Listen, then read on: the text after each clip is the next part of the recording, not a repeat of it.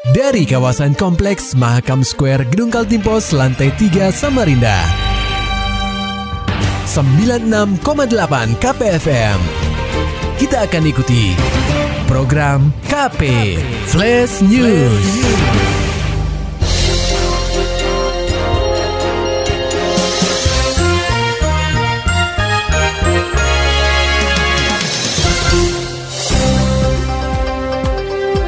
Anda sedang menyimak program KP Flash News bersama saya Agung Pratama. Berita utama. Si jago merah mengamuk di kawasan gudang milik PT Sumalindo Lestari Jaya Global Tbk di Jalan Cipto Mangunkusumo, Kelurahan Sengkotek, Kecamatan Loajanan Ilir, Rabu 4 Agustus 2021 sekitar pukul 19.30 waktu Indonesia Tengah.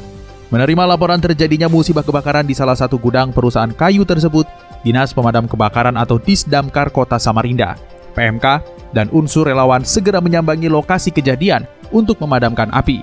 Saat dikonfirmasi KPFM di lokasi kejadian, salah satu petugas Disdamkar Kota Samarinda, Sunardi Siman menerangkan, pihaknya sudah berjibaku memadamkan api selama kurang lebih 3 jam. Api baru benar-benar bisa dikendalikan tepat pukul 23.00 waktu Indonesia Tengah. Ya ini sudah ada sekitar 2 jaman lebih dari awal, jadi kita ini tinggal pendinginan aja tiga tahap pendinginan cuma agak agak sedikit ribet karena kita nggak bisa masuk di dalam karena ini gudang takut ada runtuh-runtuhan nanti. Sunardi mengungkapkan meski saat proses pemadaman berjalan lancar, namun banyak dari relawan yang mengalami gatal-gatal akibat sumber air yang mereka bawa tercampur dengan limbah pabrik.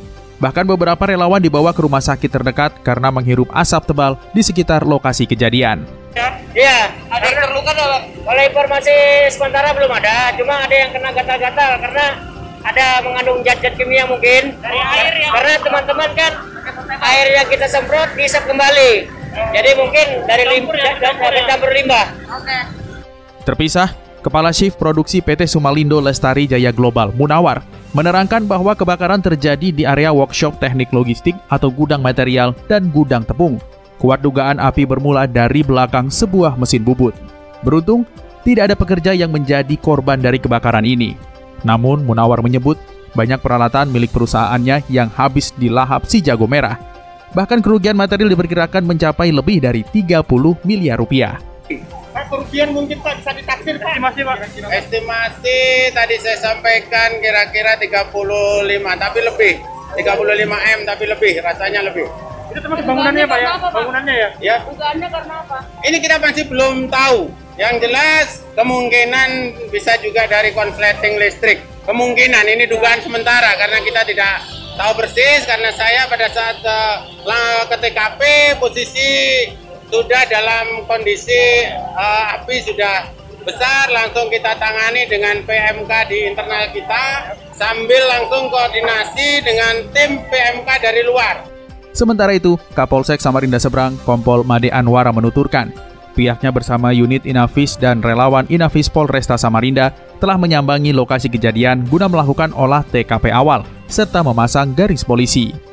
Jadi dugaan awal sampai sekarang kita nunggu dulu dari lapor Mabes Polri kita nggak bisa mendahului nanti kita beri kesempatan dulu dari puslapor dan Polri. Karena tiga titik ini yang yang yang saat ini kita amankan dulu, kita pos lain yaitu tekniknya eh, apa namanya kabel power dan musola. Beberapa sampel yang diduga menjadi penyebab kebakaran telah diambil guna proses penyelidikan lebih lanjut. Bahkan polisi akan memanggil tim dari laboratorium forensik atau Labfor dalam beberapa hari ke depan untuk menyelidiki penyebab pasti kebakaran. Berita selanjutnya, Polresta Samarinda masih mengejar salah satu pelaku yang diduga sebagai dalang penerbitan surat hasil tes PCR palsu. Laporan selengkapnya akan disampaikan reporter KPFM Samarinda, Muhammad Nur Fajar. Polresta Samarinda masih mengejar salah satu pelaku yang diketahui memalsukan surat keterangan hasil PCR kepada salah satu pelaku perjalanan yang tertangkap di Bandara APT Pranoto Samarinda pada Kamis 29 Juli 2021. Dikonfirmasi melalui sambungan telepon, Kasat Reskrim Polresta Samarinda, Kompol Andika Darmasena mengatakan pihaknya sedang mengejar dalang dari penerbitan surat keterangan hasil PCR palsu ini yang diterbitkan oleh Rumah Sakit Siaga Al Munawaroh. Bahkan, jajaran Satreskrim Polres Samarinda telah meminta keterangan dari pihak rumah sakit untuk mengetahui asal-usul surat tersebut. Itu dicek terdaftar lah, nggak terdaftar lah pasti.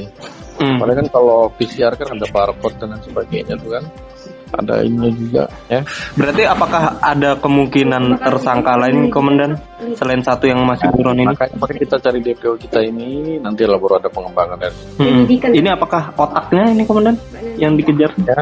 Ini apakah otaknya atau ada? Ya, nanti bisa menghubungi lah, ada lah nanti. Yang perlu saya terlalu buka dulu lah nanti malah.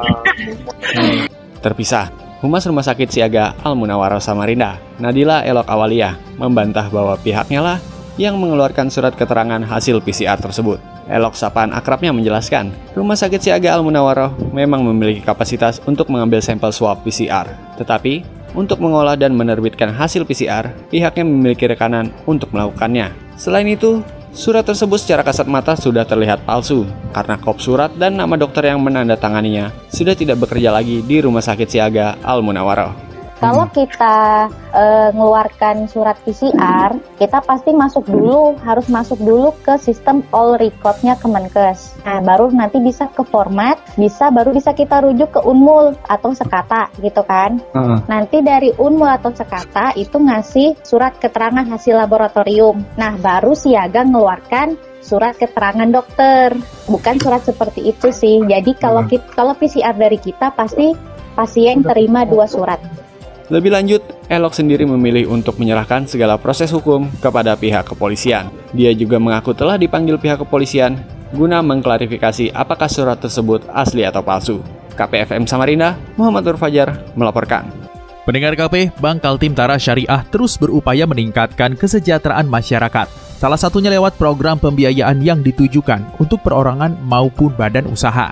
Hal ini dibahas dalam talk show bersama KPFM Eti, selaku perwakilan Bank Kaltim Tara Syariah Cabang Samarinda menyebutkan, ada dua jenis pembiayaan yang dapat diakses masyarakat melalui produk unggulan perbankan daerah itu.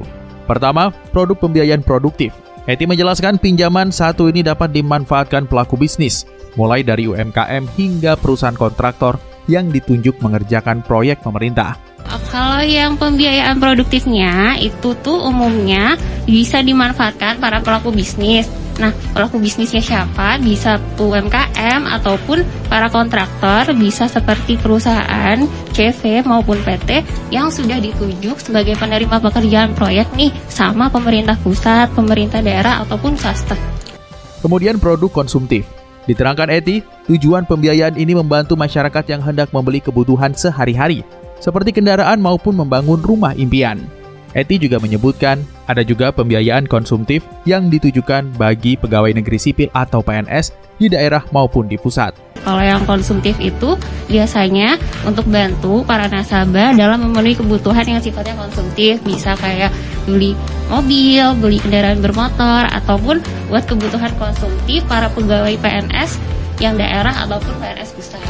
Masyarakat yang ingin mengakses pembiayaan konsumtif dan produktif bisa datang ke kantor Bank Kaltim Tara Syariah Cabang Samarinda di Jalan Ahmad Yani.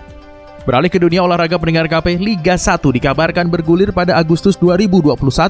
Borneo FC sambut positif. Beritanya disampaikan reporter KPFM Samarinda, Maulani Al-Amin. Direktur Utama Liga Indonesia Baru atau LIB Ahmad Hadian Lukita mengumumkan bahwa Liga 1 musim 2021-2022 akan bergulir. Turnamen sepak bola tertinggi di Indonesia itu direncanakan mulai pada 20 Agustus 2021 mendatang. Tentu kabar tersebut menuai respons positif dari tim kebanggaan warga Samarinda, Borneo FC.